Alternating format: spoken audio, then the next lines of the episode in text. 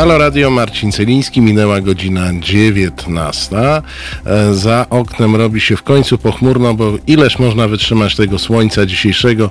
Tyle bez słońca, żeśmy się obchodzili, obejdziemy się dalej.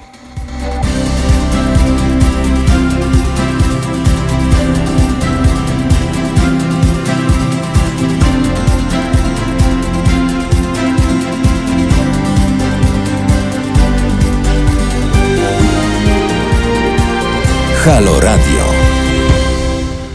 Dobry wieczór. Wybrzmiało, co miało wybrzmieć.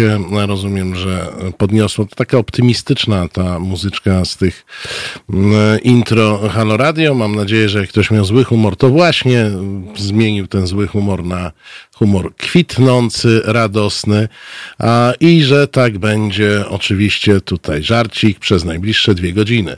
E, program nasz realizuje Patryk zwany Barym możesz pomachać, tak? Oklaski dla realizatora. E, ja witam wszystkich, którzy którzy już witają na, e, na czacie.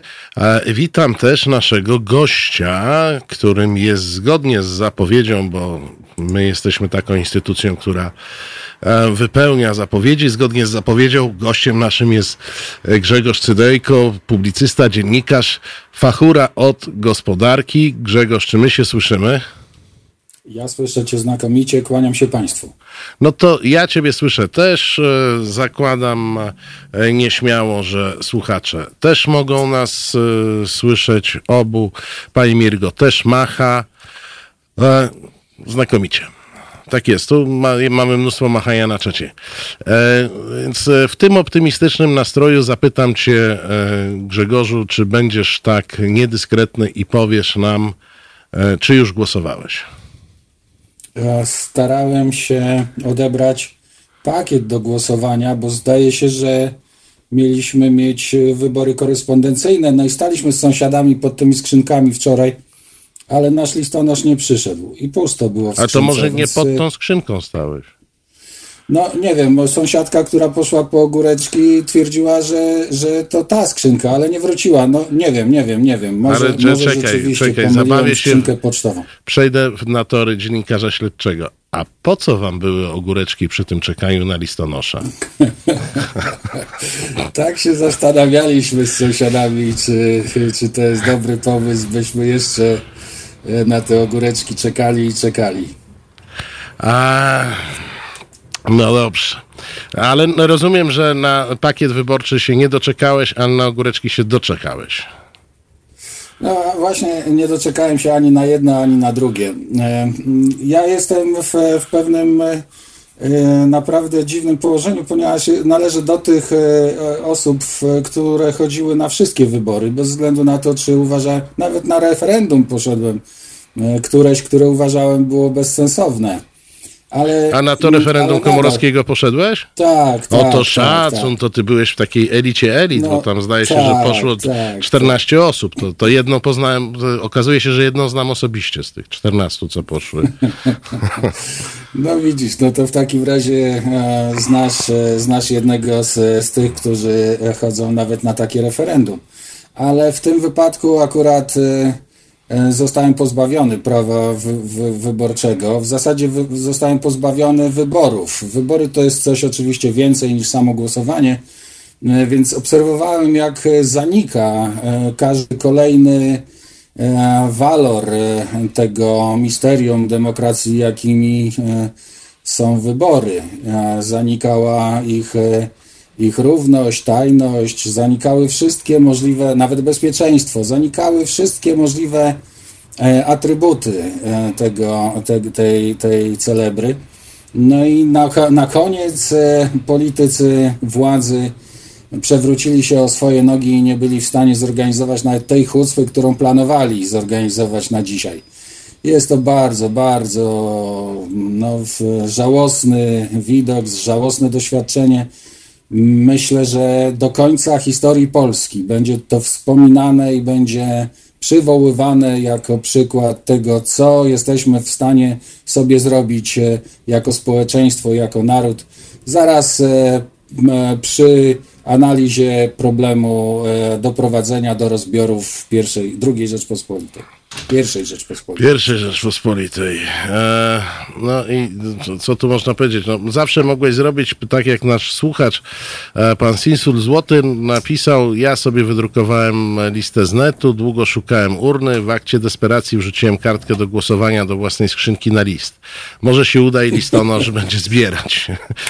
Więc no, jest, e, jak, jak, widzisz, odrobina przedsiębiorczości i da się zagłosować nawet e, dzisiaj szczególnie, że faktycznie te karty to tam zdaje się od tygodnia po necie e, fruwały, a, a nawet w Szczecinie to fruwały po skrzynkach e, po, pocztowych, e, bo ktoś dowcipny e, je rozdał, e, kierując jednocześnie e, w razie pytań do biur PiSu. To taki, taki trolling analogowy był. Słuchaj, ale a propos tej przedsiębiorczości. Mieliśmy wczoraj przedwczoraj i dwa dni temu strajk przedsiębiorców. Czy, czy zauważyłeś ten doniosły fakt? E, tak, trudno było nie zauważyć, e, zwłaszcza, że e, jednym, jeden z organizatorów tego przedsięwzięcia był kandydatem, czy może nawet jest, jest kandydatem chyba, no, trudno powiedzieć. do urzędu. Nie, słuchaj, chyba wybory miały być do, do wieczora, to może on jeszcze jest kandydatem. Tak, tak. No więc nie wiemy, czy mamy wybory, czy nie mamy, ale, ale tak, oczywiście e, strajk przedsiębiorców, czyli w zasadzie manifestacja. Nie pierwsza zresztą, bo mieliśmy już e, takie pierwociny gdzieś e, w Polsce wcześniej, ale to, ta, ta manifestacja była o tyle ważna, o tyle ciekawa, że była w zasadzie pierwszym takim protestem czysto społecznym. Przedsiębiorcy w tym wypadku nie występowali jako grupa mm, e, lobbystyczna, czy jako grupa nacisku, e, nie występowali o jakieś, e, o jakieś polityki, o jakieś ustawy, występowali po prostu jako osoby zagrożone w swoim bycie, w swojej egzystencji. Ja się nie dziwię, że na czele takiego protestu stanęli ludzie o wyrazistych poglądach, nawet libertariańskich tacy, którzy e, przede wszystkim źródło swojego obecnego położenia widzą w, nie, w niezbornych, e, e, słabych, nieskoordynowanych i uniemożliwiających normalne życie posunięciach władzy. Ja nie wiem, teraz na chwilę ktoś mi się odzywa na telefonie, czy, czy to jest słyszalne, Marcinie? Słuchaj, ja niestety wiem, coś zgrzytnęło, w związku z czym e, zgrzytnęło. człowieka tego uznajemy, co się odzywa za, za dywersanta e, i obcą siłę.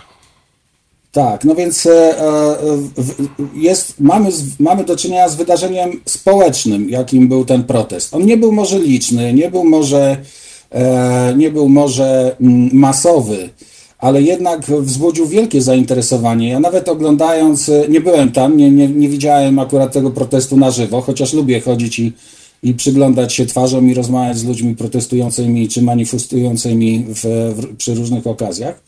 Ale tym razem nie byłem przy tym proteście, natomiast bardzo uważnie mm, przeglądałem e, wszystkie materiały zdjęciowe, które i w internecie, i nawet w takiej ramówkowej telewizji obficie były pokazywane i widziałem tam bardzo wiele osób, które są generalnie zainteresowane polityką e, lub, e, lub właśnie wydarzeniami społecznymi, takich kibiców e, manifestacji, takich, którzy już przeczuwają gdzieś tam w żyłach, gdzieś tam w paznokciach, czują małe drżenie i czują, że może to być początek jakiejś większej społecznej zawieruchy. Nie ma wątpliwości, że dziesiątki, może setki tysięcy osób e, utrzymujących się z własnej pracy w ramach działalności gospodarczej czy jakichś małych spółek zostało pozbawionych możliwości zarobkowania i utrzymania swoich rodzin, spłaty swoich zobowiązań. I e, zostali, e, i wiedzą oni, że oczywiście podstawowym powodem tego, tej katastrofy jest pojawienie się epidemii, ale także wiedzą, że drugim e, powodem jest e, bardzo złe działanie e, polskiej administracji i naszego rządu. Trudno się Także będzie dziwić, jeśli następnym protestem będzie protest ludzi już nie prowadzących działalności gospodarczej, ale po prostu bezrobotnych. Wiele, wielu przedsiębiorców zamyka swoją działalność, wielu także musi zwalniać, ograniczać zatrudnienie.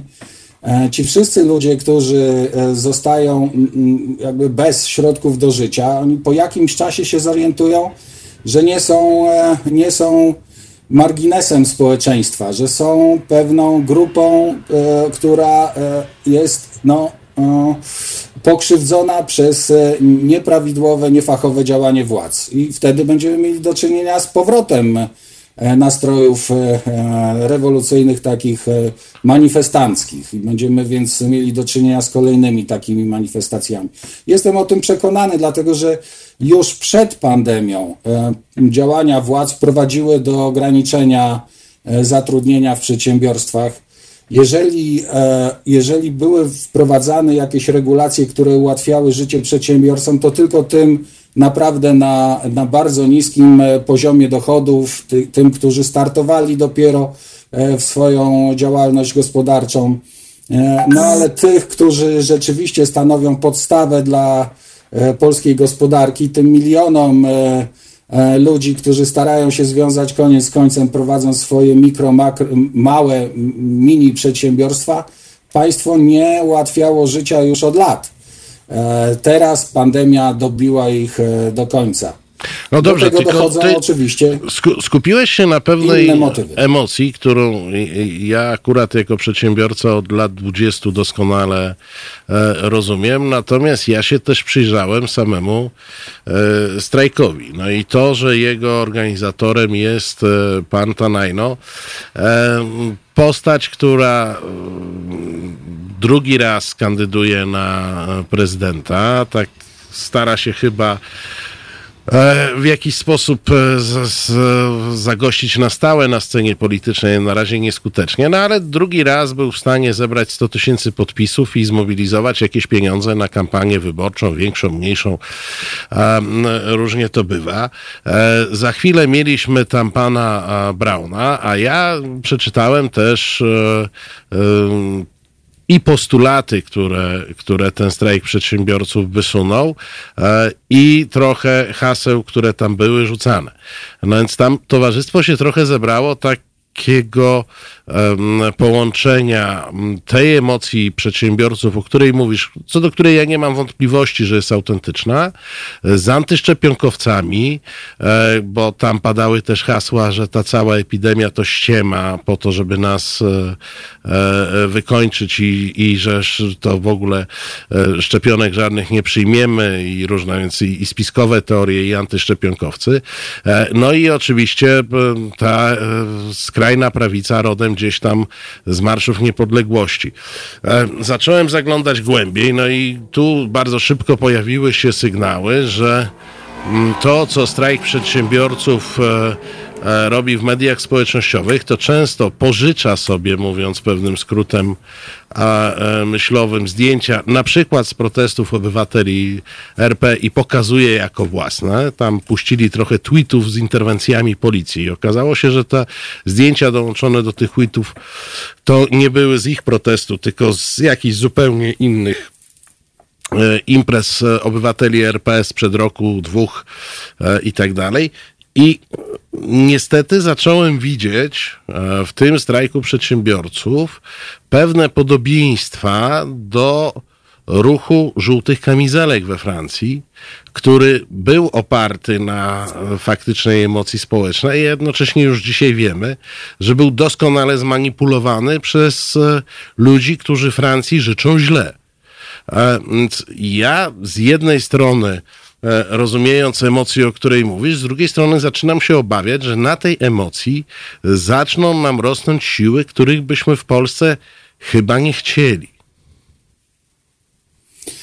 Ja y, dlatego też y, jako pierwszy motyw, który wyczuwam, skłonił ludzi do zgromadzenia się podczas tego przecież nielicznego nadal powiedzmy sobie, małego wydarzenia ale, ale zobacz, że, że ale jednak... jednak znaczącego, ale jednak znaczącego. No więc tą pierwszą emocją była rzeczywiście emocja antypandemiczna. to jest, to jest bardzo istotne, na co zwracasz uwagę, że tam byli antyszczepionkowcy na przykład, prawda? ale też tego typu taki antyracjonalny podkład było tam można wyczuć. Tam dopiero na drugim miejscu widziałem także takie racjonalne poszukiwanie przeciwnika konkretnego, który doprowadził do złej sytuacji życiowej e, osoby tam protestujące, czyli rząd. E, natomiast na wstępie, na, na, na pierwszym planie jest ta niewiara w, w przyczynę ogólną e, całego tego zamieszania i wszystkich tych kłopotów, czyli w pandemię. Ja wiem, że istnieje w Polsce i zresztą na całym świecie oczywiście istnieje bardzo dużo ludzi, są, istnieje taki bardzo ugruntowany pogląd, że ta pandemia, no nawet jeżeli jest faktem e, e, naukowym i, i rzeczywiście ludzie chorują i umierają, to przede wszystkim no nie może być w żaden sposób przeszkodą w prowadzeniu normalnego życia. Ludzie są skłonni nawet poświęcić życie cudze, oczywiście nie swoje, e, po to, by jednak utrzymać te sposoby funkcjonowania społecznego, które pozwalają im zarabiać. No cóż, ta, ta, ta, taka jest rzeczywistość. Tych ludzi jest dużo. Gdybym Gdybyśmy wytropili gdzieś w przyszłości jakieś ruskie pieniądze stojące, czy ruskie wpływy, czy inspiracje stojące za tego typu protestami, e, jak e, protesty e, nazywane strajkiem przedsiębiorców w Polsce, to ja bym się bardzo nie zdziwił. Ale jednak emocja i, i, te, i to przekonanie, czyli emocja antypandemiczna i przekonanie o tym, że rząd działa źle, te, te rzeczy są absolutnie autentyczne to jest podstawa do tego, by ewentualnie manipulować ludźmi.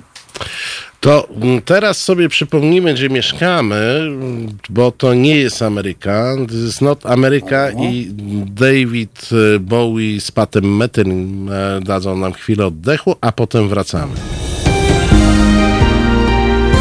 Halo Radio.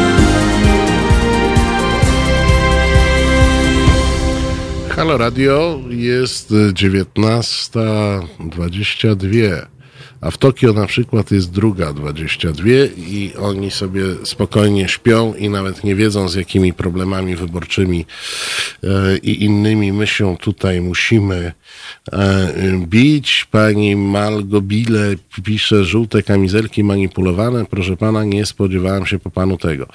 No, e, stanowczo zaprzeczam. Ja nie, ma, nie, ma, nie manipulowałem. Jak to mówią, inni szatani byli tu czynni. Co nie zmienia postaci rzeczy, że takie ruchy jak żółtych kamizelek biorą się z faktycznych problemów społecznych, nie tworzonych gdzie indziej, a natomiast no, były manipulowane i na to są dosyć twarde dane. Widzę, że ktoś do nas dzwoni, a z nami jest nadal Grzegorz Cydejko. Jesteś? Kłaniam się Państwu. A, słyszymy się. E, za chwilę e, będziemy dyskutować we trójkę, bo widzę, że mamy, e, mamy telefon, a my jesteśmy radiem na żywo, w związku z czym już mamy. Halo, halo? Halo, halo, dzień dobry. Dzień dobry, witam panie Tomku. Witam również, witam także wszystkich słuchaczy Halo Radia. E, chciałem się odnieść do, do paru słów, które usłyszałem od, od panów. Chciałem się zwrócić do pana redaktora E, Cydejki, tak? Dobrze? Cydejki, tak. E, właśnie. E, chciałem zapytać, czy, mówiąc o no, pewnych takich ludziach, o konkretnych charakterach, którzy pojawili się w trakcie manifestacji przedsiębiorców, w trakcie demonstracji, to pan chyba na posła Grzegorza Pauna w Konfederacji na przykład, bo on się również tak pojawił i to była jedna, no można powiedzieć, kreatura która mm, tego autormentu, która się tam pojawiła, był znany pozaparlamentarnie. E, pan Piotr Rybak. Słynny. Mm, człowiek, który spalił kiedyś kukłę Żyda przed Muzeum e, Spektakularna Akcja. I ci ludzie, moim zdaniem, pojawiając się właśnie na takich powodowanych emocjami, bardzo pozytywnym zjawiskiem, E, protestach są czyli pijawki, które próbują się przystać, przystać na stałe do, mm, do takich sytuacji, że jest przecież panem kandydatem na prezydenta Pawłem Tenrejno, który, tak dobrze wiadomo, stał za pomysłem strajków przedsiębiorców. A to po proteście w sobotę rano udzielił portalowi Onet kłamliwej informacji, że w ogóle nie partycypował w, te, w organizacji tego strajku, że no, że to po prostu wydarzyło się za jego plecami, a on jest taki dobrotliwy, że nie wyciągnie z tego konsekwencji, tylko da się kolejny raz aresztować. Moim zdaniem są to kłamliwe, manipulacyjne em, pomysły, które mają za zadanie omamić e, strajkujących. Bo to już w tym momencie nie chodzi tylko i wyłącznie o to, że szkodzi im władza wraz z drakońskimi przepisami ustawy antyepidemicznej, ale że jest jeszcze zagrożenie ze strony, wydawałoby się, opozycji pozaparlamentarnych, właściwie też ruchów, które próbują się podszyć pod obywatelskie. Obawiam się, że takich sytuacji może być coraz więcej w miarę, gdy takich testów też będzie przybywać. Do, każdej, do każdego z nich będą miały możliwość się, jeżeli w pory nie zostaną zidentyfikowane, przystać właśnie tego typu pijawki. Bardzo dziękuję Panie Tomku za tę uwagę.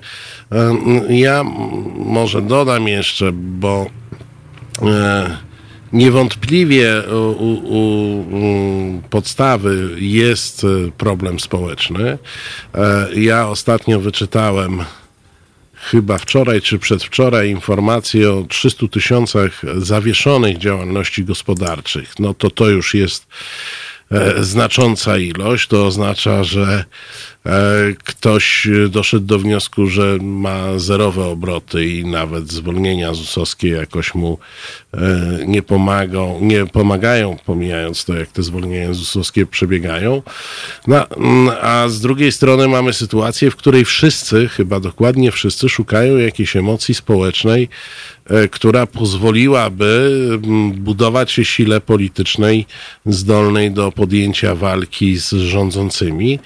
E, no i Grzegorz, naprawdę uważasz, że przedsiębiorcy mogą być, wytworzyć tego typu emocje? E, że ci przedsiębiorcy, ja odniosłem wrażenie po postulatach, że tam byli przede wszystkim mali i mikroprzedsiębiorcy, że to jest ta siła, która może budować, nie wiem, jakiś ruch protestu typu przedsiębiorcza samoobrona, czy coś w tym stylu, czy, czy, czy jakiś związek zawodowy przedsiębiorców.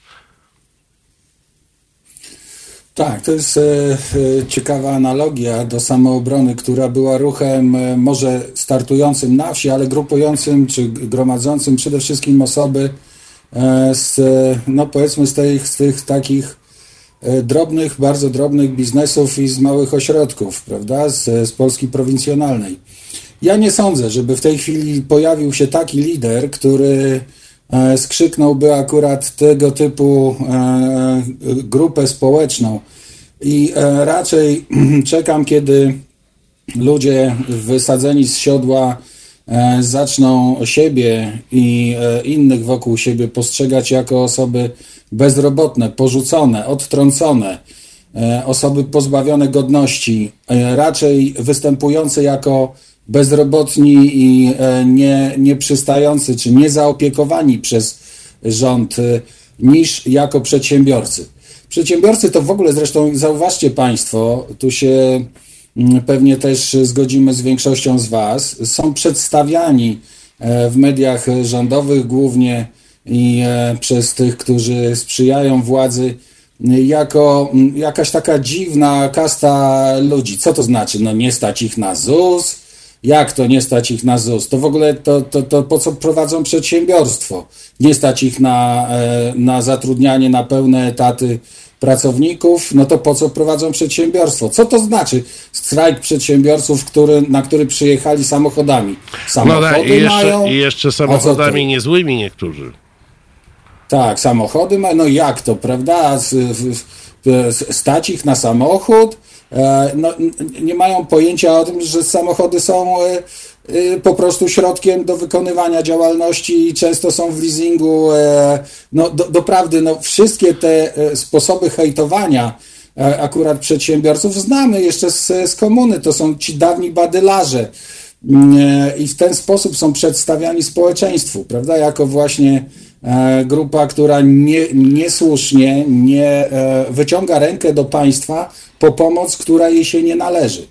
Tymczasem, kiedy się obserwuje politykę państwa i sytuację społeczną, no to widzimy doskonale, że od kilku miesięcy koszta kryzysu i koszta pandemii są rozsmarowywane po społeczeństwie w sposób bardzo nierówny. Przecież w strefie budżetowej, w sferze budżetowej tak zwanej, tam gdzie ludzie mają e, zatrudnienie e, w instytucjach państwowych, e, no mamy do czynienia nawet czasem z, z, z niewielkimi, ale jednak podwyżkami płac i z po prostu stabilnością zatrudnienia. Tymczasem tam, gdzie ludzie muszą ponosić ryzyko utrzymania się przy życiu, niestety e, e, e osoby te, czy, czy, czy, czy te jakby pewne, pewne wspólnoty zgromadzone, czy funkcjonujące w ramach przedsiębiorstwa, są obciążane e, e, kosztami nie tylko pandemii, ale przede wszystkim złych regulacji. I to jest, to jest sytuacja, w której część więc kosztów E, radzenia sobie z kryzysem e, ponoszą osoby prywatne, zwykli ludzie, prawda? Popatrzcie nawet na artystów, już zostawmy na chwileczkę, zostawmy przedsiębiorców.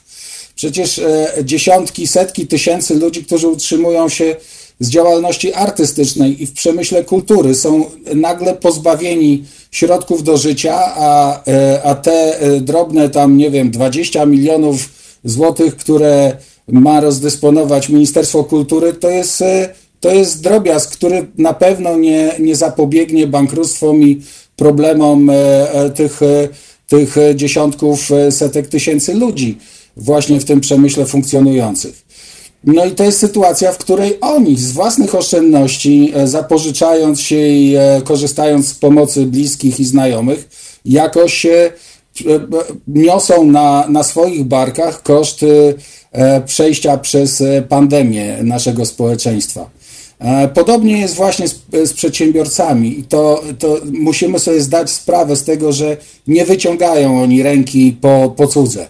Oni naprawdę muszą przetrwać, oni muszą skorzystać z, z takich mechanizmów, do których dostęp ma tylko władza publiczna, do których oni dostępu nie mają. Oni nie mają drukarek z pieniędzmi, oni nie mają mechanizmów regulacyjnych, które, e, których mogliby użyć. Oni mają tylko tyle, co powiedzą na proteście przedsiębiorców, nawet e, zgadzając się z panem Tomaszem, mocno wykorzystywanym przez e, podejrzanej konduity osobników, ale jednak jest to protest gdzieś gromadzący także autentycznie zrozpaczonych swoją sytuacją ludzi, prawda?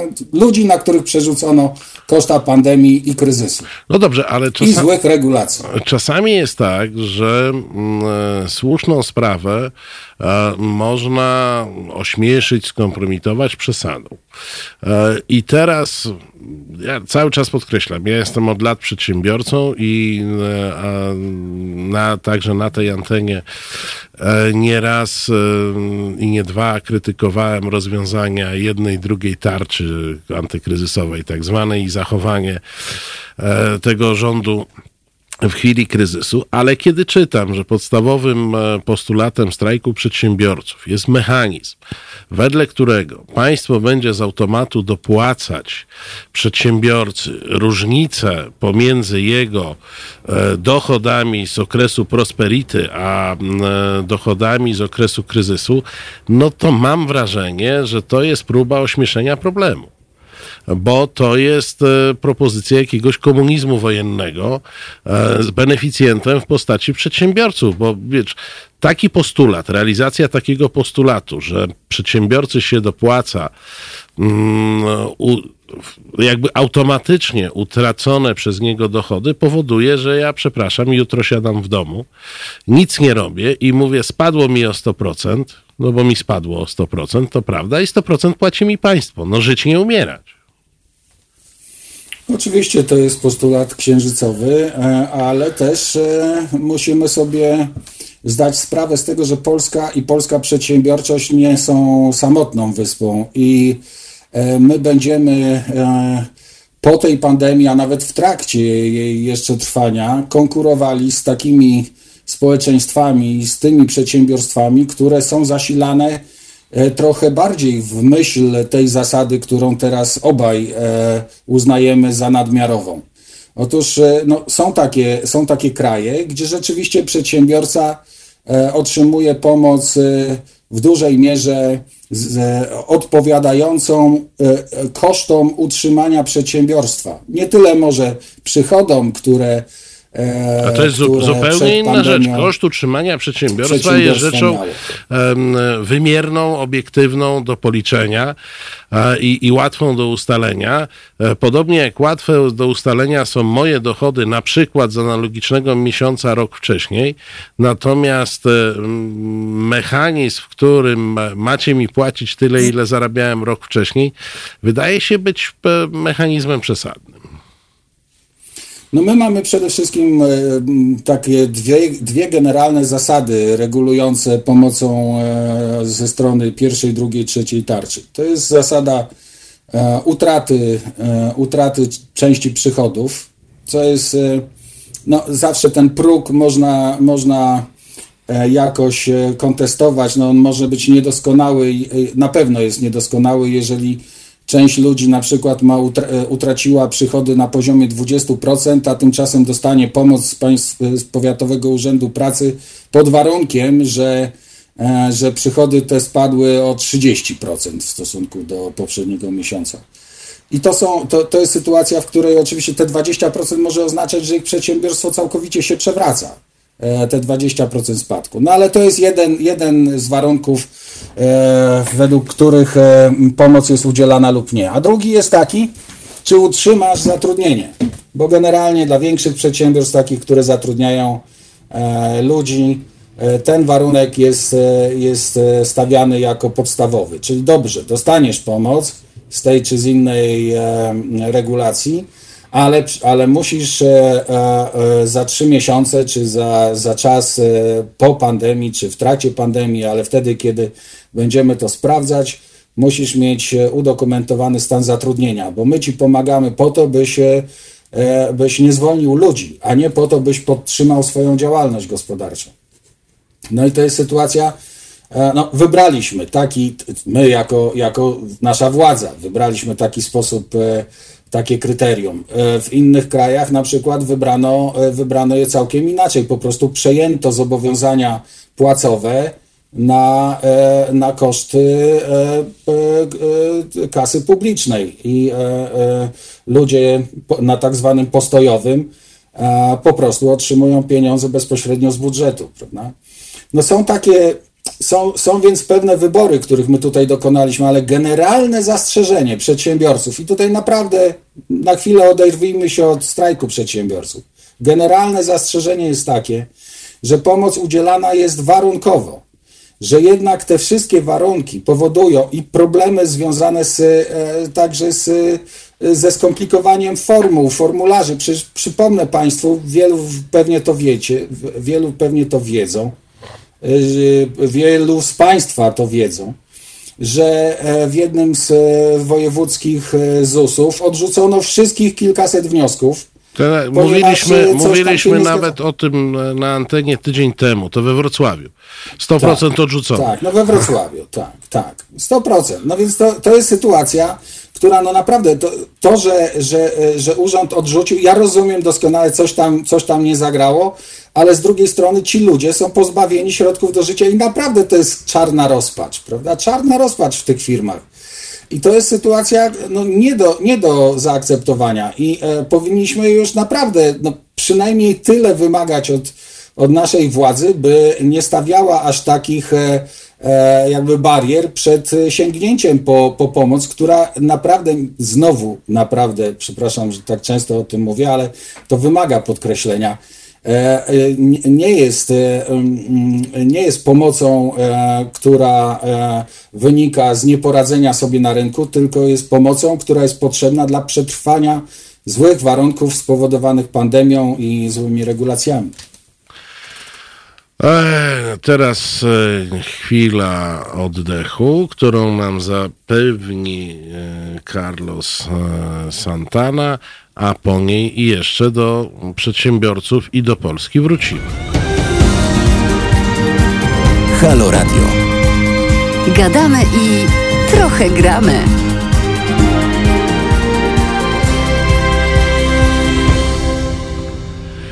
Halo Radio, Marcin Celiński. W Chicago jest 11.44, a z nami Grzegorz Cydejko. Halo, halo.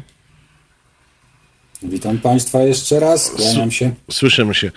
E, mówimy o tych, e, o tych e, drobnych przedsiębiorcach, ale są kraje, i nie bez kozery podałem godzinę w Chicago, gdzie dosyć otwarcie mówi się o tym, że pomoc w czasie pandemii i kryzysu gospodarczego powinna trafiać tylko do największych korporacji, że drobną przedsiębiorczość można sobie, mówiąc kolokwialnie, odpuścić. I motywacja jest taka, powiedziałbym, cyniczno prosta. To znaczy, mały biznes jest bardzo łatwo odtworzyć, bo najczęściej nie wymaga on dużych nakładów. E, natomiast jak padnie wielka korpo, jak padną fabryki, to odtworzenie ich i postawienie e, z powrotem no jest procesem o wiele bardziej skomplikowanym od odtworzenia zakładu fryzjerskiego. To jest dylemat e, absolutnie księżycowy. Potrzebna jest pomoc i, e, i dobre skupienie się na sytuacji i jednych i drugich. Wiecie Państwo, że informacją dzisiejszego poranka było to, że po 15 godzinach intensywnych e, rozmów i narad rząd Danii wraz z opozycją ustalił ścieżkę otwierania gospodarki i niezbędnych regulacji związanych e, z powrotem do normalniejszego życia w trakcie pandemii. To jest sytuacja, która, e, która nie wyklucza nikogo.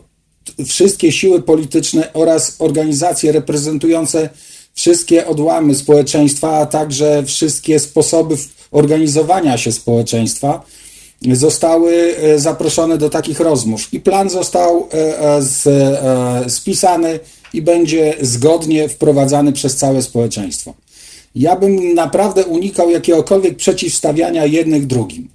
To, co powiedziałem e, kilkanaście minut temu o tym, że, e, że istnieje takie centrum, istnieje taki obszar gospodarki i, ten, e, i, tego, i tego samoorganizowania się społeczeństwa, jakim jest sfera budżetowa, to przecież nie jest nie, nie powiedziałem tego po to, by, by, powiedzieć, że e, inni mają gorzej, bo i ta sfera budżetowa wcale różowo nie ma. Nie ma, bo po prostu nikt nie zwraca uwagi na to, ile na przykład e, potrzeba, żeby przeżył pracownik sądu rejonowego albo no ja domu odpowiem. kultury. To, to, to ja jest, ci odpowiem. To jest też sfera to, to zostało, to zostało już określone. E, mniej więcej półtora roku temu mieliśmy, e, e, mieliśmy protest pracowników administracji sądowej. Okazało się, że oni zarabiają równo minimalną.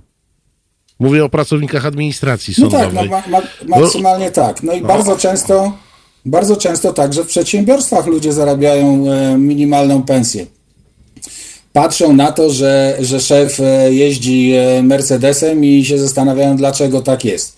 E, że on ma Mercedesa, a oni są na pensji minimalnej i nie ma w ogóle mowy o tym, by, by przedsiębiorca zapłacił im większe pieniądze. Ale my przecież doskonale wiemy, bo ta wiedza jest w Polsce. Ta wiedza jest oczywiście także w innych krajach, ale my, ta, my w Polsce tutaj wiemy, co zrobić, żeby, e, żeby przedsiębiorstwa funkcjonowały lepiej, a ludzie zarabiali więcej. I to nie jest e, e, zestaw kar i, i połajanek dla przedsiębiorców i sposobów na zdjęcie z nich tego ciężaru, jakim są ewentualnie jakieś zapasowe kapitały w przedsiębiorstwach, czy depozyty przedsiębiorstw, bo i przecież w tym kierunku szły pewne studia rządowe, by zabrać depozyty przedsiębiorców i wykorzystać je do, do, nie wiem do czego, do rozdawania jakimś innym grupom społecznym chyba. No w każdym razie e, są możliwe e, takie regulacje i takie umowy społeczne w ramach społeczeństw krajowych, ale także lokalnych, by przedsiębiorcom było łatwiej funkcjonować i przedsiębiorstwa więcej wiedziały na temat swojego stanu i perspektyw by miały stabilniejsze warunki prawne i, a ludzie mieli stabilniejsze warunki zatrudnienia. Niekoniecznie w obciążonych wieloma zakazami o kontraktach o pracę, ale po prostu w sytuacjach, w których wiadomo, jak w Skandynawii, że jeżeli przydarzy się E, zwolnienie czy, czy no, e, e, utrata pracy, to na pewno państwo weźmie odpowiedzialność i pomoże takiemu człowiekowi. Wiele jest takich sytuacji, wiele jest takich sposobów radzenia sobie z kryzysami, wiele jest, wiele jest sposobów w ogóle kształtowania regulacji wewnątrzpaństwowych i lokalnych, no ale my z wielu z nich nie korzystamy, dlatego że nasze życie społeczne, także to gospodarcze, podlega przede wszystkim wymogom e, e, działalności czy, czy wymogom związanym z intencjami e, politycznymi i, z, i tylko więc jakby no mm, Państwo mi wybaczą, że się tutaj jąkam, bo staram się użyć parlamentarnego języka, ale tylko interesy władzy politycznej często są motywem wprowadzania regulacji a nie interesy społeczeństwa, nie interesy gospodarki, nie interesy przedsiębiorstw, nie interesy zatrudnionych, nie interesy poszczególnych grup społecznych. No i mm, nie odmówię sobie tego, żeby Ciebie zapytać o to, czy widziałeś e, ostatnią okładkę Gazety Polskiej, czyli tygodnika tego, który wychodzi w czwartki. Chyba nie, ostatniej chyba nie. Otóż tam na okładce jest i tematem okładkowym tego tygodnika jest e, o polskich e, liderach e, państwowych biznesu, którzy właśnie zdali egzamin i radzą sobie świetnie. I to jest tekst o między innymi o Orlenie, o KGHM-ie i o różnych innych liderach państwowych. No, ja nie będę ci streszczał artykułu, bo on tak no, możesz sobie wyobrazić. No farsa jest wi wiadomości farsa, TVP. Natomiast moje na, na okładce oczywiście było bardzo biało-czerwono i, i było napisane, że e, te, te, ci nasi, te nasze narodowe czempiony e, radzą sobie świetnie i, e, i są dla nas naj, najlepszą ochroną przed kryzysem. No to jest farsa. Oczywiście e, po pierwsze wiemy, że nasze narodowe czempiony radzą sobie fatalnie w ostatnich latach e, i e, wystarczy popatrzeć na ich wyniki finansowe. No doprawdy, no, no już takie kłamanie bezczelne o tym, że sobie radzą jest, jest możliwe tylko w prorządowej w prasie. Natomiast mm, jest, jest też prawdą, że, że polska przedsiębiorczość nawet w tych trudnych warunkach jakoś jeszcze dawała sobie radę. Przed pandemią e, mieliśmy to główne zagrożenie ze strony podnoszenia e, e, obciążeń związanych z pracą oraz no i tą, i tą pensją minimalną, prawda? To były te główne zagrożenia, które E, nałożone na, na przedsiębiorców no już e, wymuszały na nich przewidywanie ograniczenia zatrudnienia i, e, i ograniczenia swojej aktywności gospodarczej.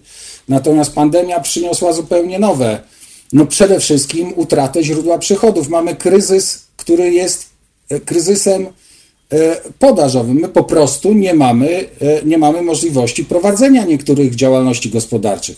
Państwo doskonale wiedzą, że to jest sektor restauracyjny, czy sektor e, beauty tak zwany, czy, czyli ten, no, salony fryzjerskie, czy kosmetyczne. No wiele, wiele przedsiębiorstw widzicie naocznie musiało zamknąć swoje podwoje. Ale też e, wie, wiemy, e, że bardzo kryzysem dotknięte są nawet banki.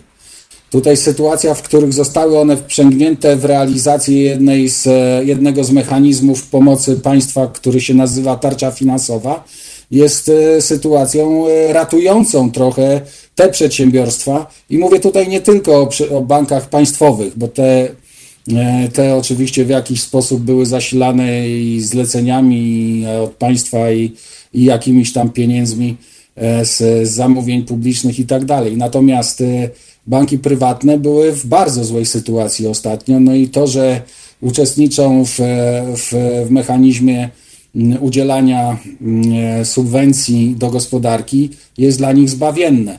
To jest zresztą e, jeden z, jeden z mechanizmów, który chciałbym pochwalić. Pamiętajmy, że nie wszystko w Polsce jest czarne. Mechanizm tarczy finansowej z pewnymi tam zastrzeżeniami, ale nie mamy czasu na to, by je tu rozwijać, ma jednak jedną wielką generalną zaletę. Jest szybki, jest dosyć prosty w użyciu. Mógłby być wprowadzony dwa miesiące temu, no trudno, jest wprowadzony teraz, ale teraz właśnie fala przedsiębiorców ruszyła po tę pomoc i może liczyć na e, nawet na umorzenie 75% E, tej subwencji. To jest, I to jest zautomatyzowane. Można wypełnić wniosek w swoim banku, w którym ma się rachunek i po 24 godzinach pieniądze są na rachunku firmy. To jest właśnie sposób, który podpatrywaliśmy w, w dojrzałych gospodarkach i zazdrościliśmy, że już w marcu w wielu krajach w ten sposób przedsiębiorcy mogli, e, mogli skorzystać z pomocy. My to, my to mamy teraz późno, ale dobrze, że mamy. Mimo wszystko dobrze. Przetrenowaliśmy to e, część e, administracji, Krajowa Izba Rozliczeniowa, Polski Fundusz Rozwoju, e, nawet Krajowa Administracja Skarbowa, no i banki, Związek Banków Polskich, wszyscy połączyli siły i tych kilkaset osób pracowało intensywnie w święta i po świętach i mamy dobrze działający mechanizm. No właśnie tak powinniśmy robić, tylko, tylko by, bylebyśmy się nie spóźniali aż tak bardzo i byleby to było w centrum uwagi naszej, e, bo zauważcie Państwo, że politycy się w ogóle prawie tym nie chwalą, nie, nawet nie wspominają o tym, wiedząc, jak wiele jest zaniechań w innych obszarach wspierania czy regulowania e, przedsiębiorczości w Polsce. E, e, wolą zajmować nas problemami wyborów i, e, i, i tego, czy uda im się przepchnąć pana Dudę na kolejną kadencję, czy nie. A tymczasem właśnie w gospodarce czasem zdarzają się nawet E, nawet dobre, dobre sytuacje, takie no wiesz, jak z tą, z tą tarczą finansową. E, pani Bożena pisze, tydzień temu wypełniłam taki wniosek przez mBank i ani grosza nie widzę na koncie, a ja nie wiem, czy do ciebie dotarła informacja, jak proceduje ZUS e, te pierwsze wnioski z pierwszej tarczy dotyczące nie, no, zwolnienia z ZUS-u. Nie tak, wiem, czy, oczywiście, czy, że wiem, czy że to właśnie, właśnie te wnioski, te wnioski zwolnienia z ZUS-ów były procedowane fatalnie. No nie, nie, one przede wszystkim. E, formularze. No, one były na wadliwym formularzu, w związku z czym właśnie w długi Oczywiście. weekend zatrzymano armię ludzi, która z formularzy, które myśmy wypełnili internetowo, e, przepisuje te wnioski do innych formularzy. Oczywiście i pani, pani e, słuchaczka, która ma problem także z tą tarczą finansową i która nie dostała odpowiedzi, no oczywiście może być w tych 30% e, osób, którym odrzucono wniosek, ale ponieważ ona nawet nie wie, że ma odrzucony wniosek, może się zadziać podobny problem, taki typowo e, formalny. Na przykład, nie wiem, ma gdzieś tam jakieś zaległości albo, albo cokolwiek, jakieś tam dwa grosze może nie dopłaciła kiedyś e, e, w, w którymś z zeznań podatkowych i już jej wniosek będzie zablokowany. Oczywiście, że musi się odwoływać i musi młotkować, bo, bo jest też jakaś tam procedura przewidziana na te odwołania, ale jednak około 70% wniosków jest rozpatrywany w ciągu 24 godzin i pieniądze wpływają do firm. Ja mam także takie sygnały, że to się dzieje, że to, że to ma miejsce. To nadal nie, to, to nie jest tak, że tarcza finansowa uratuje nam gospodarkę. Nie, absolutnie Państwo mają rację. Nie, nie uratuje nam całej gospodarki.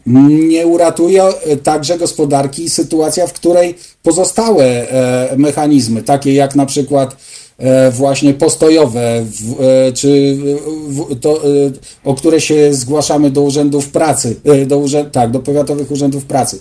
Te zwolnienia z ZUS-u, z, o które zgłaszamy się do ZUS-u.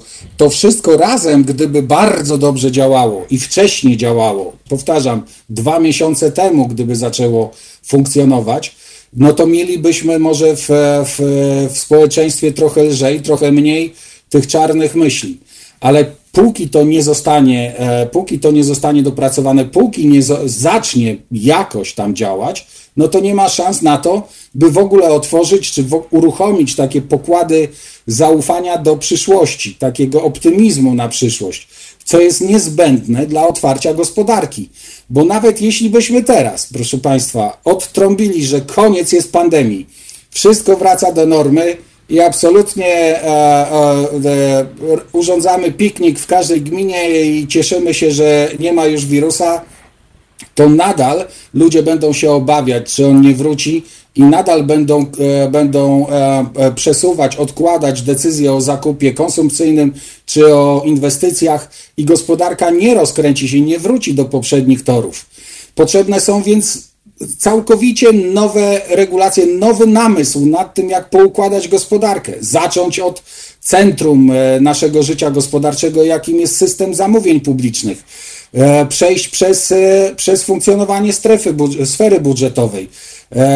Pochylić się nad regulacjami, uprościć znacznie, ale radykalnie prawo podatkowe i prawo pracy.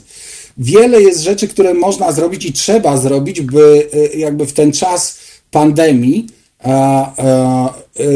zachować się w sposób, e, czy jak gdyby przesunąć pewne swoje aktywności w kierunku właśnie przedsiębiorczości i, i powoływania nowych sposobów e, e, zarabiania pieniędzy na rzecz wspólną. Tego typu zaufanie, ono musi się pojawić, nawet gdyby pandemia, czy gdyby wirus miał wrócić ze swoim ze swoją tą wredną stroną, wrednym, wrednym obliczem i i gdyby miało przybyć, e, gdyby miało przybyć w pewnym momencie mm, zachorowań, gdyby pojawił się ten drugi pik e, jesienią, gdybyśmy mieli wyłączać części gospodarki, dlatego że on się, że on się pojawia, to, to możemy oczekiwać, że przy dobrych regulacjach i przy porządnym e, rządzie E, ufalibyśmy w to, że wyłączenia będą czasowe i będą zdejmowane w odpowiednim momencie. Będą także zlokalizowane geograficznie. Przecież doprawdy, proszę Państwa, nie ma żadnej przyczyny, żeby nie funkcjonowała gospodarka na Mazurach, gdzie nie ma w ogóle wirusa, e, e, a, a natomiast na Śląsku, ponieważ mamy wirus, E, no, nie możemy mieć tych samych tak. regulacji dla Mazur i dla Śląska, prawda? To są takie podstawowe rzeczy, które musi wykonać władza e, i tego musimy od niej oczekiwać. I w ten sposób od niewinnej rozmowy o strajku przedsiębiorców i o przedsiębiorcach Grzegorz Cydejko przeszedł nam płynnie do projektu reformy państwa. E, tak widocznie bez tej dużej reformy państwa się nie da. Grzegorz, bardzo Ci dziękuję za dzisiejszą rozmowę. I ja bardzo dziękuję za spotkanie z Państwem. E, dobrego, dobrego wieczoru. E, kłaniam się. E, proszę Państwa, no to teraz e, należy nam się e, muzyczny oddech. Jacyś dorsi domkną te drzwi, które żeśmy tutaj otworzyli do reformy państwa, a po przerwie wracamy z czystą polityką i podsumowaniem tygodnia.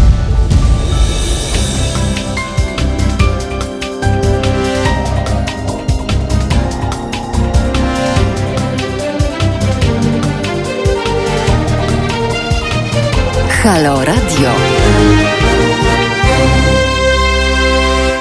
Halo Radio, minęła 20. Marcin Celiński. Czas zatem na to, żebyśmy się zastanowili, co fajnego było w ubiegłym tygodniu, ale może od, od e, dzisiejszego dnia e, zaczniemy, e, bo wszyscy byliśmy poddawani E, przez lata tak zwanym kampaniom profrekwencyjnym, e, które mówiły, że dzień wyborów to jest święto demokracji. Więc witajcie Państwo w dniu święta demokracji, e, w dniu ciszy wyborczej, o której oczywiście pamiętamy i żeby mm, tę pamięć o ciszy wyborczej podkreślić, proponuję Państwu w tej chwili minutę ciszy. Oczywiście z przyczyn radiowych trochę ją skrócę, bo minuta ciszy w radiu brzmi jak kilka godzin, więc wystarczyło te powiedzmy 10 sekund ciszy, żebyśmy minutą ciszy, ciszę wyborczą i święto demokracji, e, jak mawiają politycy, w dniu dzisiejszym uczcili. Proszę Państwa, e, ja nie będę nawet mówił o tym, o czym e, mówią wszyscy co tam się e, działo do ostatniej chwili, jak ten e, Gowin z tym Kaczyńskim i tak dalej. No to jest to jest coś, co wszyscy wiemy i co się nazywa kompletny rozpad państwa. Natomiast a propos tego państwa, no to warto chyba zauważyć, że mamy pełniącego obowiązki prezesa Sądu Najwyższego, znanego sprzed kilku lat głośno o nim było pan, pan e, doktor Zaradkiewicz. E, no i różne tam doniesienia teraz świeże były na ten temat. On tam jakieś miał e, przygody z grzybami. Ja nie wiem, czego się go czepiają. Ja też, jak przychodzi sezon, czasami lubię wpaść i trochę maślaków czy jakichś innych podgrzybków, borowików zebrać i bardzo je lubię w occie szczególnie. No, pan Zaradkiewicz podobno na grzyby e, reaguje jakoś specyficznie. Mnie tam nigdy e, moje podgrzybki e, w occie nie zaszkodziły. Nawet kanie smażone mi nie szkodzą, a panu Zaradkiewiczowi jakieś grzybki kiedyś zaszkodziły, ale to, to, to, to szkodliwość tych grzybków może mieć jakieś takie dłuższe objawy, bo proszę państwa, były asystent Krystyny Pawłowicz, pan e, Rafał Otoka-Frąckiewicz to jest taki e, człowiek bardzo aktywny w mediach społecznościowych, czasami ocierający się o ultraprawicowe e, pisma. Twierdzi, on poinformował, że gdy Pawłowicz była posłanką PiS, to Kamil Zaradkiewicz wysłał jej zdjęcie swojego odbytu. E, miała być to reakcja na słowa Pawłowicz o preferencjach seksualnych e, pana Zaradkiewicza i miłości do odbytu. E, znaczy, no, pani Pawłowicz, jaka jest, każda widzi i z całą pewnością jej wypowiedzi na temat preferencji seksualnych, czy ichkolwiek na pewno były chamskie, ale muszę wam powiedzieć, że jestem pod wrażeniem tej reakcji, że on wysłał zdjęcie swojego e, odbytu. Pan Kimer44 pyta, a skąd on zna jego odbyt, że wie, czyj to był? No to jest pytanie do pana Rafała Otoka Frąckiewicza. E, może jest specjalistą od odbytów, ja nie wiem, ja nie znam dobrze pana E, e, Rafała. E, no, zresztą to zdjęcie gdzieś tam fruwa po sieci. Gdybyście Państwo byli bardzo ciekawi, jak wygląda odbyt, domniemany odbyt prezesa, pełniącego obowiązki prezesa Sądu Najwyższego, to jest to dosyć łatwa wiedza, bo, bo wystarczy E, chwilę, chwilę tam pogooglać, wejść na Twittera i na pewno zaraz wam e, wyskoczy zdjęcie e, odbytu. Tak, pan Magwyspa pyta, fruwa odbyt po sieci. Fruwa, oj fruwa, fruwa. Mamy prezesa z fruwającym po sieci e, odbytem. Pan Sinsur Złoty pisze, myślę, że się z Kryśką fotkami wymieniał. To najbardziej się boję, jak będą opublikowane te fotki, co Kryśka wysyłała. To jestem trochę przerażony. E, ale wiecie Państwo, no, my się tu trochę śmiejemy, natomiast e, ja jako człowiek wiekowy nie mogę wyjść ze zdziwienia. No, to znaczy poziom umysłowy ludzi, którzy nami rządzą. Powszechnie znany poziom umysłowy i hamstwo pani Pawłowicz. E, no i poziom umysłowy stosunkowo młodego człowieka, jakim jest e, pan Zaradkiewicz. E, no, no, no, no podpowiedzcie mi, podpowiedzcie mi, jak to można skomentować. No, e, ja wam się do czegoś przyznam. E, może już się przyznawałem. Ja się przez jakiś czas mieszkałem, wychowywałem w tak zwanej złej dzielnicy i tam różne rzeczy się działy. I umiałbym sobie wyobrazić różne numery, ale raczej one dotyczyły takiej początkującej bandyterki ze szkoły podstawowej. Już na poziomie szkoły średniej e, pewne zachowania e, pewne zachowania się nie zdarzały. No tu mówimy o dwojgu całkiem dorosłych ludzi, ludziach. Zdaje się, że e, i pani Pawłowicz, i pan Zaradkiewicz to są doktorzy z tytułem doktora habilitowanego, oboje. Nie wiem, jak tam z profesurą u pana Zaradkiewicza chyba nie jest profesorem, no ale jest doktorem habilitowanym. Pani Pawłowicz na pewno jest doktorem habilitowanym. No i E, e, myślę sobie o tych e, od, odbytach. Pan Robsonak 222 pisze, urządzamy się. Tak, my się od jakiegoś czasu urządzamy, dokładnie w tym miejscu, którego zdjęcie teraz krąży po sieci. To, to tyle na temat, na tematy odbytnicze.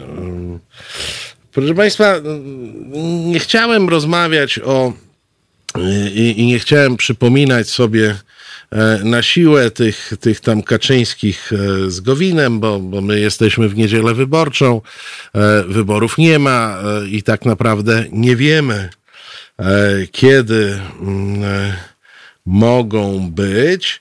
E, mało tego, e, w sobotę pani wicepremier Jadwiga Emilewicz poinformowała w RMF, że w sobotę lub niedzielę, czyli być może dzisiaj, zakończą się prace nad projektem nowelizacji ustawy dotyczącej głosowania korespondencyjnego, a w przyszłym tygodniu zostanie on skierowany do Sejmu. To znaczy, proszę Państwa, że my jesteśmy w sytuacji takiej, że ogłoszono w lutym, pani marszałek Witek ogłosiła wybory prezydenckie, które miały odbyć się dzisiaj. E, no, jak wszyscy wiemy, się nie odbywają, choć pan Sinsul tutaj e, kilkukrotnie pisał, że, on nadal czeka i chce oddać tym głos. E, no, pewnie nie ma na co czekać, więc wybory się nie odbywają. Przy tych wyborach co najmniej dwukrotnie mocno manipulowano, zmieniając ich zasady. No i teraz w dniu wyborów nadal nie wiemy, kiedy one się odbędą. Mało tego, być może one się odbędą na jakichś innych zasadach, no bo jak mówi pani premier Emilewicz, e, zakończą się prace nad projektem nowelizacji ustawy dotyczącej głosowania e, korespondencyjnego, e, czyli możemy mieć jakieś e, zupełnie e, nowe pomysły i rozwiązania. Wprawdzie pani Emilewicz mówi, że e, celem tej nowelizacji jest to, żeby wybory mogły odbyć się jak najszybciej, gwarantując udział PKW w procesie wyborczym. Zobaczcie, jak nam rządzący raptem dojrzeli do tego, że Państwowa Komisja Wyborcza może mieć coś wspólnego z wyborami. Do tej pory dochodzili do wniosku, że, że nie bardzo. E, Aha, i, e, i że chodzi o usunięcie luk prawnych w ustawie podpisanej wczoraj przez e, prezydenta. E, no, naprawdę, ten tydzień był taki, że ja mam kłopot z doborem słów do skomentowania. E, po pierwsze, e, mieliśmy codziennie wiadomości, że e, jest tu super ustawa, która umożliwi wybory 10 maja, tylko ten Senat się czepia. A dzień po tym, kiedy prezydent tą super ustawę, która pozwalała znakomicie i bez żadnego zagrożenia dla E, dla zdrowia przeprowadzić te wybory. Okazuje się, że pani premier mówi, że wicepremier mówi, że są tu, są w niej luki. No to, to była fantastyczna, czy były w niej luki? A może te luki to były te luki, które były wykazywane przez Senat. Przez Senat. Pani Bożena, pisz, pani Bożena Breszko pisze, jeśli to będzie nowa ustawa, to pójdzie do Senatu na 30 dni. No oczywiście, że tak. E, no bo po to jest ten Senat. E, powiem Państwu uczciwie, że ja przez bardzo wiele lat miałem mieszane uczucia co do istnienia e, Senatu. On był tam jakoś uzasadniony w 89 roku, może jeszcze w tej kadencji 91-93, a później ten Senat był jakąś taką, ponieważ z zasady w Senacie była ta sama większość, co w Sejmie, no to ten Senat był jakimś takim dziwnym alterego sejmowym, który nic nie wnosił. No w tej chwili znowu mamy sytuację, y, jak w 89 roku, że e, Senat ma znaczenie e, po to, żeby kontrolować Sejm, który jest zdominowany przez e, jedną partię, a w Senacie ten układ jest trochę trochę inny. Więc e, widać, szczególnie przy tych e, legislacjach e, związanych z wyborami, jak bardzo PiSowi brakuje tego układu z poprzedniej kadencji, kiedy Sejm o godzinie drugiej rano coś uchwalał, albo o czwartej rano, o dziewiątej rano klepał to Sejm, a o jedenastej było już podpisane przez prezydenta. O dziewiątej rano klepał to Senat, a o jedenastej był podpis prezydenta. I można było ustawy zrobić e, w ciągu doby. No w tej chwili z tym Senatem tak się e, e, nie daje. Mm, ale ponieważ wszystkie uwagi e, Senatu są e, blokiem odrzucane e, przez Sejm, no to potem trzeba robić nowelizację do nowelizacji, żeby znowelizować i wypełnić luki, które podpisał prezydent. No i dalej, proszę Państwa, jesteśmy e, w temacie wyborów, ale może w tym temacie wyborów to za chwilę. Ja tu popatrzę badawczo w oczy Patryka, co my tu zagramy. Zagramy Manam i tak Nocny jest. Patrol, tak? Jedziemy? Tak jest.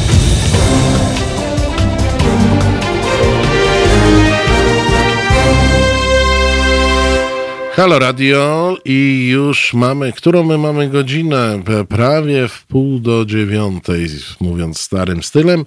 Marcin Celiński, podsumujemy, e, podsumowujemy tydzień. Państwo na czacie się zastanawiacie, czy wygrał Suski. Ja się dziwię, że wy się zastanawiacie. Oczywiście, że wygrał Suski. E, Suski mógłby przegrać tylko z Sasinem, a Sasin nie startował, w związku z czym wygrał Suski. Proszę Państwa, a propos tych e, geniuszy organizacji, e, w piątek wieczorem w Monitorze Polskim opublikowano stanowisko Rady Ministrów w sprawie możliwości przeprowadzenia wyborów prezydenckich. Ja Państwu zacytuję fragment.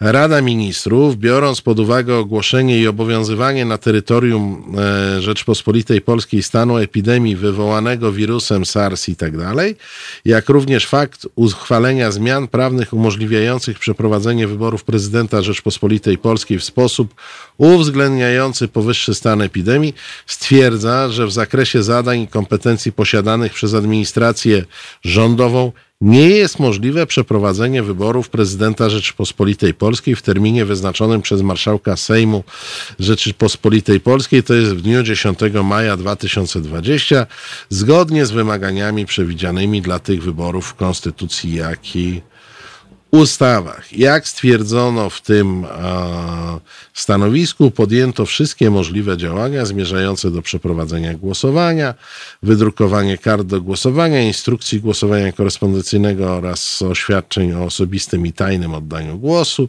polecenie Poczcie Polskiej realizacji czynności do przygotowania przeprowadzenia wyborów. E, według Rady Ministrów, i tu uważajcie, Uważajcie. Według Rady Ministrów wydrukowane pakiety wyborcze powinny zostać wykorzystane w wyborach prezydenckich, które zostaną przeprowadzone zgodnie z uchwalonymi zmianami prawnymi. No i jak Wam, drodzy Państwo, się to e, podoba? Bo po pierwsze, panie Magwyspa, Sasin nie drukował. Sam słyszałem, jak Sasin mówił, że nie drukował, że to chyba Morawiecki że to chyba Morawiecki drukował. Morawiecki powiedział, że nie drukował. Poczta powiedziała, że nie drukowała. Już nie pamiętam kto stwierdził, nie wiem czy nie Paweł Broński, nie chcę pomylić w tej chwili, stwierdził, że wydrukowali to drukarze, ponieważ drukowanie to ich pasja. A my nie dojdziemy, kto zlecił, po co zlecił, jak zlecił i tym podobne. No, Byłoby śmieszne, gdyby, nie działo, gdyby to się nie działo e, e, naprawdę, gdybyśmy nie mieli gdybyśmy nie mieli tego, nie wiem. Ja jestem fanem angielskiego peer nonsensu, przeróżnych opowiadań z, z tego gatunku i gdybym czytał o tym wszystkim właśnie u któregoś peer nonsensowego twórcy, to bym się, słuchajcie, no, czułbym się bardzo, mm, e, e, bardzo usatysfakcjonowany taką lekturą, ale jak ja to czytam w monitorze polskim, e, to mam z tym poważny problem. Ja, ja, może jeszcze przypomnę, że Monitor Polski to jest takie wydawnictwo, gdzie e, publikuje się, gdzie publikuje się akty prawne, a mianowicie rozporządzenia i zarządzenia. E, nie było praktyki e, publikowania stanowisk, szczególnie, że to stanowisko, to przepraszam, jest jakaś podstawa prawna dla nieprzeprowadzenia dzisiaj wyborów E, no, no chciało się, by się powiedzieć e, brzydko po angielsku, przetłumaczę to na język parlamentarny polski, ależ o co chodzi? Żeby nie powiedzieć what the fuck. O co chodzi? Stanowisko, to stanowisko, jak rozumiem, jest jakimś źródłem prawa instrukcyjnym e, dla E, e, e, dla nieprzeprowadzenia wyborów. No do tego ten zapis o, o wykorzystaniu kart wyborczych. Otóż po pierwsze, jeżeli była przyjęta dawno temu w Polsce zasada, że przy każdych wyborach zmieniał się wzór pieczęci Państwowej Komisji Wyborczej. Teraz te karty wyborcze nie miały pieczęci komisji wyborczej, a zdaje się, że zgodnie z nowelizacją projektowaną przez panią Emilewicz, która ma w przyszłym tygodniu e, być procedowana e, w Sejmie, e, sprawa wyborów wróci do kompetencji Państwowej Komisji Wyborczej, czyli Państwowa Komisja Wyborcza powinna opieczętować karty, a te już mają pieczęć inną. No już pomijając to, że z oświadczenia e, prezesa e, Kaczyńskiego, e, gdzie dopisany był też taki śmieszny facet, który się nazywa Gowin, takie oświadczenie było w czwartek, wynikało, że oni uzgodnili między sobą i Jarosław Kaczyński obwieścił, mm, że E, Sąd Najwyższy unieważni dzisiejsze wybory. Nie bardzo wiadomo na jakiej podstawie, bo, bo w prawie, bo, bo Sąd Najwyższy może uznać bądź nie uznać ważność wyboru. My dzisiaj nikogo nie wybieramy, więc e, e, Sąd Najwyższy ma unieważnić jakoś te wybory. Jak rozumiem, odwoła się do prawa kanonicznego non consumatum, czyli do unieważnienia małżeństwa ze względu na brak konsumpcji i na tej podstawie prawnej Sąd Najwyższy ma unieważnić te e, wybory. No i będzie otwarta przez marszałka Sejmu nowa procedura wyborcza. Jeśli będzie nowa procedura wyborcza, to kto nam powiedział, że już nie mówiąc o, o panu Dudzie czy innych kandydatach, ale że na przykład kandydat Żółtek nadal będzie kandydował. A on jest na tej karcie wyborczej. E, w związku z czym e, kartę wyborczą zapewne trzeba będzie i być może to będzie taka narodowa akcja. Tak jak e, pamiętacie, swego czasu minister Zieliński zmobilizował policjantów, żeby cieli tam coś na konfetti, które było rzucane e, z helikoptera, to może teraz zmobilizuje się jakąś grupę, może policjantów, może wojska obrony terytorialnej i oni na przykład wezmą wszyscy flamastry i żeby wykorzystać te karty, to będą wykreślać tych kandydatów, którzy nie wezmą udziału w tych jakichś powtórzonych wyborach, a będą dopisywać tych kandydatów, co ewentualnie, mm, co ewentualnie mogą, e, mogą się zgłosić, jeśli będzie otwarta nowa procedura, bo my tego, nie wiemy. No proszę Państwa, my w tej chwili nie wiemy, czy, czy i kiedy, jakie wybory e, e będą. Można też ich wyposażyć w zapas korektora i oni tym korektorem, takim spędzelkiem, mogliby t- tę pieczęć, która jest na tych kartach, korektorkiem sobie wymazać wymazać i wtedy będzie można przystawić nową pieczęć, jak tamta będzie korektorkiem wymazana. Jeszcze raz powiem, to by było śmieszne. Państwo na czacie tutaj śmieszkują. Ja też trochę śmieszkuję, no bo, ale to jest, e, wiecie Państwo, te, te, moje szyderstwa to jest wyraz bezradności, no bo tak naprawdę e, to należałoby tych, e, by tych wszystkich ludzi po kolei stawiać przed sąd i, się, i sadzać do więzień. No i tego, który zlecił wydrukowanie tych kart, co to nie wiadomo, kto to zlecił. I mówię wam, zaraz się okaże, że to hobbystycznie drukarze zrobili bez żadnego E, zlecenia e, i tego, który wymyślił konstrukcję, że w monitorze polskim pojawia się jakieś e, umiarkowanie inteligentne stanowisko Rady Ministrów i zdaje się, że to stanowisko jest podstawą prawną do tego, że my dzisiaj nie głosujemy, a niektórzy, jak mówiłem, jak mówiłem, na czacie deklarują, że oni nadal E, szukają, e, że oni nadal szukają możliwości głosowania, szukają tych pakietów. Macie odpowiedź wynikającą z tego stanowiska. Pakietów nie dostaniecie dzisiaj, bo one powinny być wykorzystane w przyszłych wyborach, które nie wiadomo kiedy będą, z jakimi kandydatami i wedle jakich procedur. Czego nie rozumiecie? Przecież to proste. E, jak budowa cepa. E, kochani, no i jeszcze jedna, no, trzeba jakoś e, żyć optymistycznie. E, może nie wszyscy widzieliście tutaj zasługa TVN24. Otóż okazuje się, że jest w tej chwili problem z wyrobieniem paszportu. Jeżeli komuś paszport się skończył i chce sobie wyrobić, to idzie do urzędu, a w urzędzie mu mówią, ale proszę powiedzieć, po co pani, panu ten paszport? No jak to po co? No proszę uzasadnić, dlaczego my mamy panu, e, pani e, wydać paszport. Nie ma żadnego przepisu w naszym prawie, które kazałoby uzasadniać, dlaczego ja taki dokument chcę zrobić. Ja, jako człowiek wiekowy, pewnie starszy od e, większości e, słuchaczy, doskonale pamiętam czasy, kiedy czy o Konrad Szołajski, który pojawił się na czacie, także pamięta czasy, e, kiedy mm, po to, żeby zrobić e, paszport, należało to uzasadnić. Czyli należało pokazać zaproszenie do jakiegoś obcego kraju, bądź wykupioną wycieczkę, bądź promesę wizową. No różne takie rzeczy były. Ja jeszcze te procedury E, przechodziłem, e, natomiast e, mamy 2020.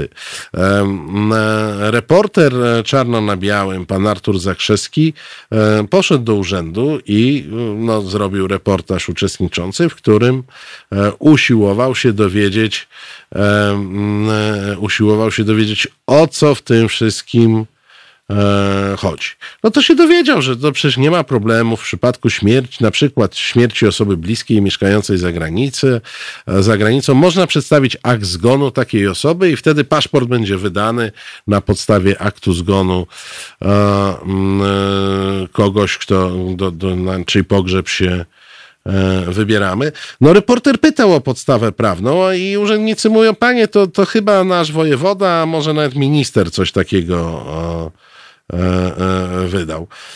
No, reporter pyta, na jakiej podstawie urzędnicy stawiają obywatelom wymagania i każą dzielić się informacjami prywatnymi, tak naprawdę, bo to, co urzędnika, przepraszam, obchodzi, czy ja chcę pojechać do Pernambuco i po co ja tam chcę e, pojechać. No być może ja tam chcę pojechać i popatrzeć w niebo. No to jest mo moja, moja sprawa i moje E, prawo, na co urzędnicy mówią, no ale mamy pandemię, e, wyjeżdżać nie wolno. No dobrze, wyjeżdżać nie wolno, ale powiedzmy, że za jakiś czas e, będzie można wyjeżdżać, ograniczenia pandemiczne zostaną zniesione i co, dopiero wtedy będę miał prawo do paszportu? Wcześniej nie? Wcześniej muszę się tłumaczyć. Paszport się bierze na 5 albo na 10 lat a nie jednorazowo.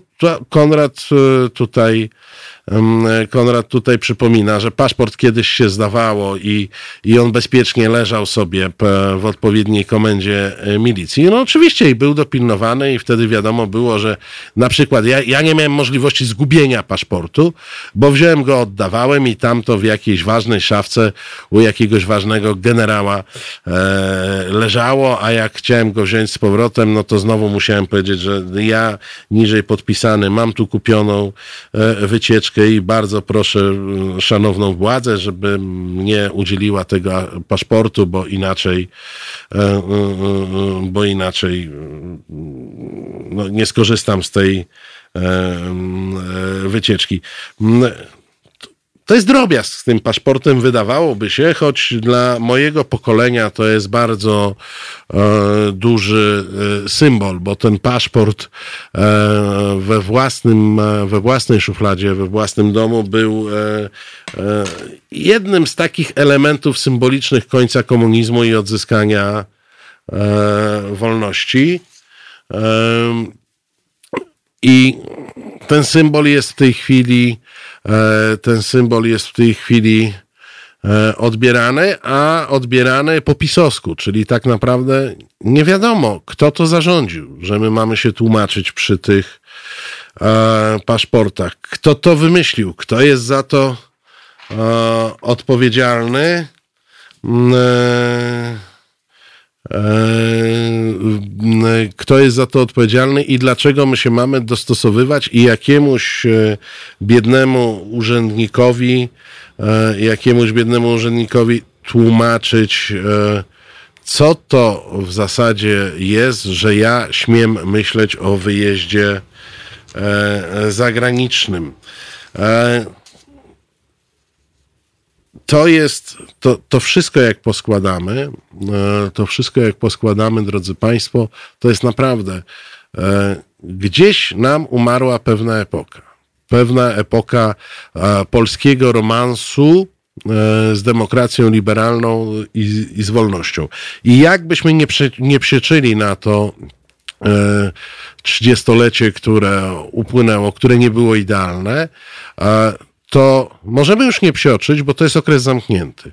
PiS ten okres zamknął. Przeniósł nas do innej strefy cywilizacyjnej, przeniósł nas do strefy bezprawia, bo oni nic zgodnie z prawem e, nie robią. Przeniósł nas do e, strefy krajów, w których e, rządzi się nie ustawami, nie rozporządzeniami, tylko opublikowanym stanowiskiem Rady Ministrów w sprawie możliwości przeprowadzenia wyborów. Dzisiaj oczywiście cieszymy się, że tych wyborów w szczycie pandemii nie ma, ale zobaczcie, jaki to jest precedens. Wyobraźmy sobie, że za rok mają się odbyć wybory parlamentarne, coś idzie nie po myśli władzy, a Rada Ministrów wyda e, sta, opublikuje stanowisko Rady Ministrów w sprawie możliwości przeprowadzenia wyborów, z którego będzie wynikało, że tych wyborów przeprowadzić się nie da. Dzisiaj to jest pandemia. E, za rok e, być może się nie da, bo są ulewne deszcze, a być może się nie da, e, ponieważ są za niskie temperatury albo za wysokie temperatury. I co im zrobisz, jakim nic nie zrobisz. Proszę Państwa, i tak dobiegliśmy do końca naszego wyborczego wieczoru. E, ja Państwu bardzo dziękuję za ten czas od 19, który spędziliśmy e, razem. Państwo na czacie widzą, jak bardzo Konrad Szołajski śpieszy się do swojej audycji. On już w ogóle zagaduje cały czat od jakiejś chwili. Ja już nie mam serca przedłużać i nie, nie, nie, nie dopuszczać go tutaj do tego, żeby zawładnął w stu procentach anteną e, e, e, radiową. My się słyszymy za tydzień zwyczajowo o 19. Teraz, proszę Państwa, będzie druga minuta ciszy dla uczczenia ciszy wyborczej i wyborów, a zaraz po, po nich Wademekum Scouta i Lady Punk.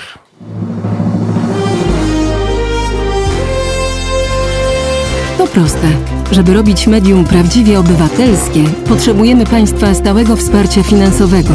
Szczegóły na naszej stronie www.halo.radio, w mobilnej aplikacji na Androida i iOS-a oraz na koncie Fundacji Obywatelskiej w serwisie www.patronite.pl. Naszym darczyniom i darczyńcom serdecznie dziękujemy. www.halo.radio. Słuchaj na żywo, a potem z podcastów.